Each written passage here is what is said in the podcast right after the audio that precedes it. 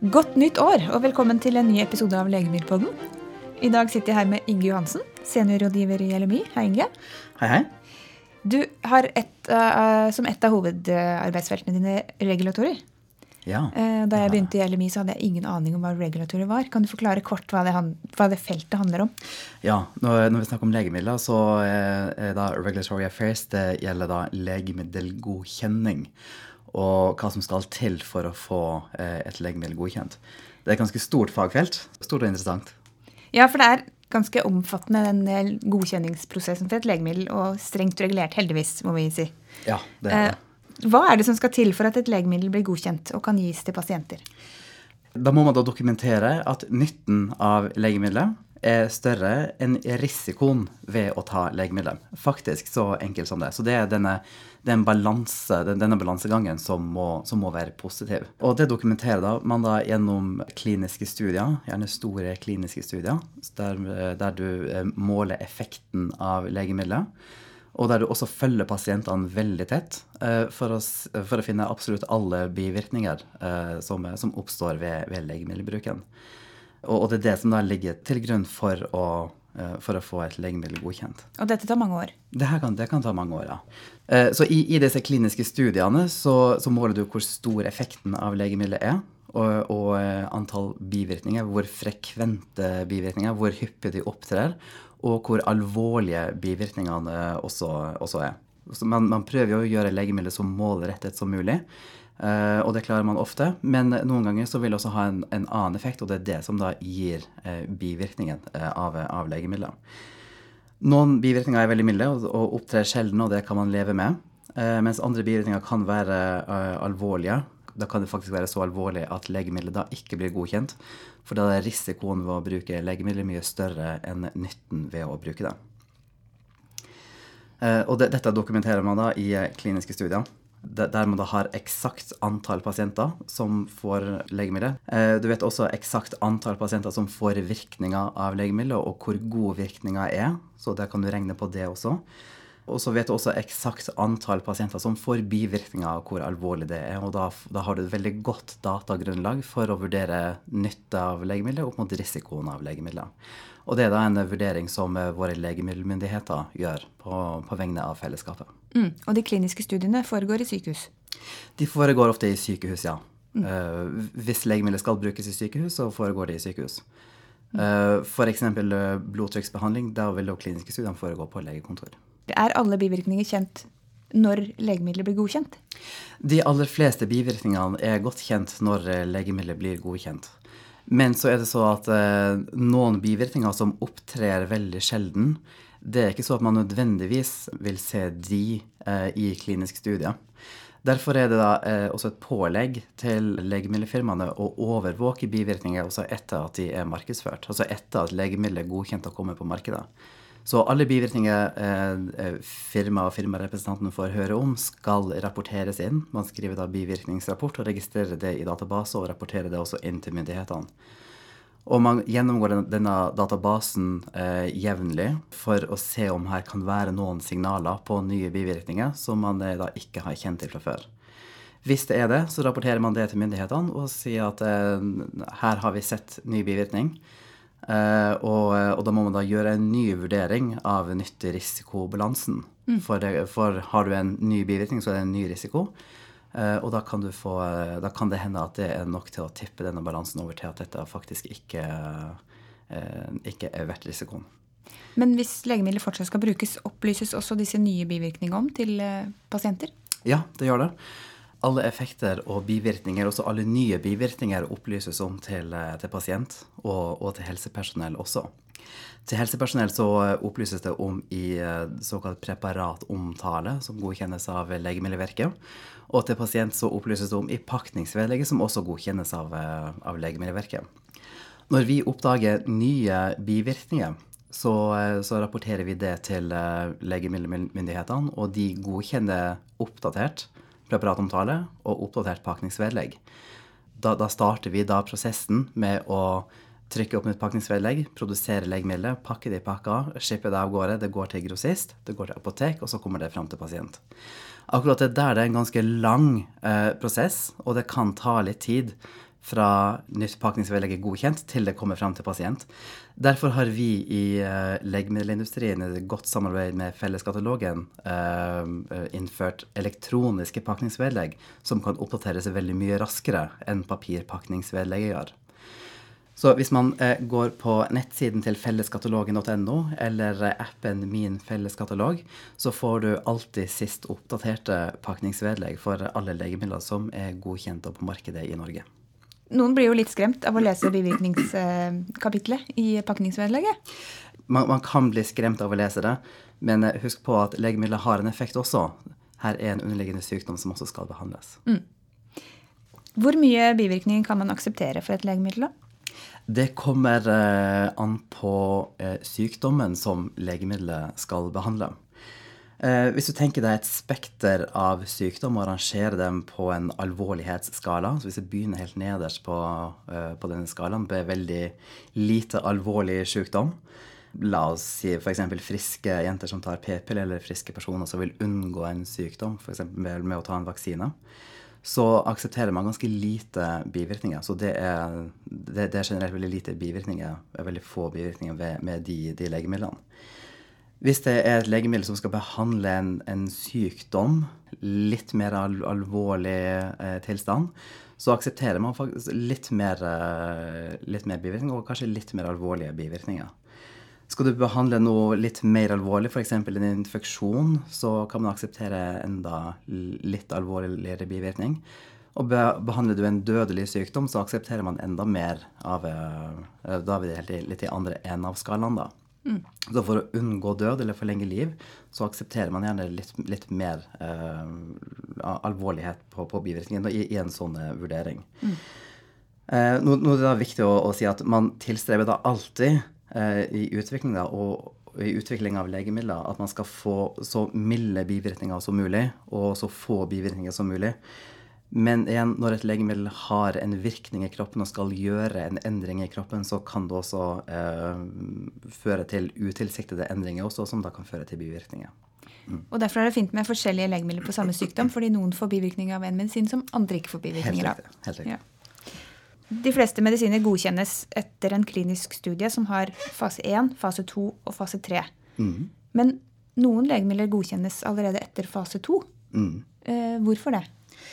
Uh, jeg nevnte denne her, uh, tenkte alvorlighetsskalaen. Tenk det som en sykdom som er helt ytterst på skalaen. En alvorlig sykdom. Det finnes kanskje ingen, ingen andre behandlingsalternativer. Og nå er det tilbake til denne som jeg nevnte også, den nytte-risiko-vektskåla de pasientene her har faktisk en større nytte av å få tidlig tilgang til legemidler enn, enn å utsette dem for en ingen behandling i påvente av at man skal få en grundig, altså en stor dokumentasjonspakke der man vet alt om legemidlet. Eh, så med sånne tidlig tilgang legemidler, legemidler som godkjennes på fase, fase 1 eller fase 2, eh, så det, hviler det ofte en forpliktelse på, på produsenten om å fremskaffe ytterligere dokumentasjon for legemiddelet etter at det er godkjent, som at man gjør en, en klinisk studie mens legemiddelet er godkjent, eller at man da gjør en såkalt registerstudie eh, etter godkjenning for å, for å grundigere dokumentere effekt og bivirkning av, eh, av legemiddelet. Mm. Men er det sånn at dette skjer oftere og oftere? Dette skjer nok eh, oftere og oftere, fordi nå ser vi at det kommer flere legemidler mot eh, sjeldne og eh, alvorlige sykdommer. Så det skjer nok oftere nå, men det er ikke fordi at man har slakka på dokumentasjonskravene. Men det er fordi at eh, det, er, det blir flere av denne type legemidler. Mm. Og så er det også mest vanlig å gjøre store studier, men det er ikke alltid mulig å gjøre store studier? Det er ikke alltid at det er mulig å gjøre store studier. Det er ikke alltid at det er mulig å gjøre studier heller, eh, av praktiske og etiske forhold. Jeg kan gi noen eksempler på det. Eh, det har vært noen tilfeller av den såkalte terrorbakterien antrax Eh, som forårsaker sykdommen miltbrann. Eh, det er jo en bakterie som egentlig ikke fins i omløp, og dermed så fins det heller ingen pasienter. Men man har likevel kunnet lage et legemiddel eh, mot eh, denne bakterien, altså som en, en behandling mot eh, miltbrann, basert på dyrestudier. Og, og, på bakgrunn av det så har man da fått dette legemiddelet godkjent. Um, og så finnes det etiske uh, hindringer som også kan komme i veien for å gjøre, uh, gjøre studier. F.eks. genterapi, der man behandler barn med en medfødt genfeil som, uh, som, fører til en dødelig sykdom. Der det er åpenbart at behandlinga har en god effekt, så vil det da være uetisk å, å utsette noen pasienter for placebo eller narremedisin. Og dermed så vil man da kun ha sånn, såkalte enarmede studier, der man kun studerer behandlinga og ikke hva det, hva det vil være bedre enn. Og i sånne omstendigheter så vil det da være mulig å få godkjent behandling på, på et såkalt begrenset datagrunnlag. Og heldigvis for det, eh, for ellers også uten sånne eh, muligheter for å godkjenne legemidler, så ville man heller ikke hatt sånne behandlinger tilgjengelig i dag. Industrien får jo ofte også kritikk for å bare forske på såkalt lønnsomme sykdommer. Stemmer det? Og er det i så fall noe å gjøre med det? Dette er et ganske stort spørsmål. Nå er det sånn at Legemiddelfirmaene de jobber jo på oppdrag fra sine eiere. Som da en sånn typisk eh, stor profesjonell eier vil jo være oljefondet, som vi kjenner veldig godt til. Og, og, de gir jo oppdrag til selskapene om å gjøre investeringer der det er mulig å få en inntjening på, på, de, på de, investeringene. Så hele premisset er jo her at firmaene skal gå med overskudd. Og når en sykdom ikke er lønnsom, så er det faktisk mulig å gjøre noe med det i, i, i den andre enda, i i det regulatoriske. Uh, og der har vi et par eksempler som er, som er gjort på, på, nettopp det området. For ca. 20 år siden så kom det et nytt regelverk uh, som gjaldt forskning og utvikling av legemidler til sjeldne sykdommer. Det gis en slags patentbeskyttelse som heter markedseksklusivitet. Enkelt sagt så er det altså et, et forsterket patent for disse legemidlene. Eh, det gis også reduserte avgifter og tidlig vitenskapelig rådgivning hos myndighetene. I tillegg så har man også eh, gjort det samme når det gjelder forskning på legemidler til barn. Der man må bli enig med myndighetene om et forskningsprogram for barn. Firmaene får faktisk ikke lov til å søke om, eh, om godkjenning av et nytt legemiddel uten å ha et sånt forskningsprogram godkjent. Eh, og når man har fullført dette forskningsprogrammet, så får man også en patentforlengelse på seks måneder. Og det har man sett er tilstrekkelig for, å, for, å, eh, for industrien for å, for å, gjøre disse forskningsprogrammene. Kan du forklare kort det med patenter? Hva er standardpatent? Et standardpatent, eh, det, det varer i, i 20 år. Mm. Eh, og i 20 år fra du søker eh, om å få patentet. Og hvor i prosessen pleier man å være når man søker? Fordi noen tror jo at patenten starter fra legemiddelet blir godkjent, og 20 år framover. Men det er feil. Det er feil. Ja. Så eh, eh, patentet søkes før man starter utviklinga av substansen. For uten å, å, ha et patent, så har du ikke noe garanti for å få noe inntjening. Så det, det, kommer veldig veldig tidlig i, i, uh, i, forløpet. Så først søker man patent, og så begynner man å, å gjøre investeringer i prosjektet. Mm. Forske på substansen, hvilken, uh, uh, hvilke egenskaper har det. Gjøre studier i celler og i dyr før man da går videre til mennesker. Og når legemidler blir godkjent, så har det gjerne gått 8-10-12 år fra man søkte patent, og da har man da eh, 20 minus det, da, igjen altså 12-8 eller ja, 12-10-8 år igjen.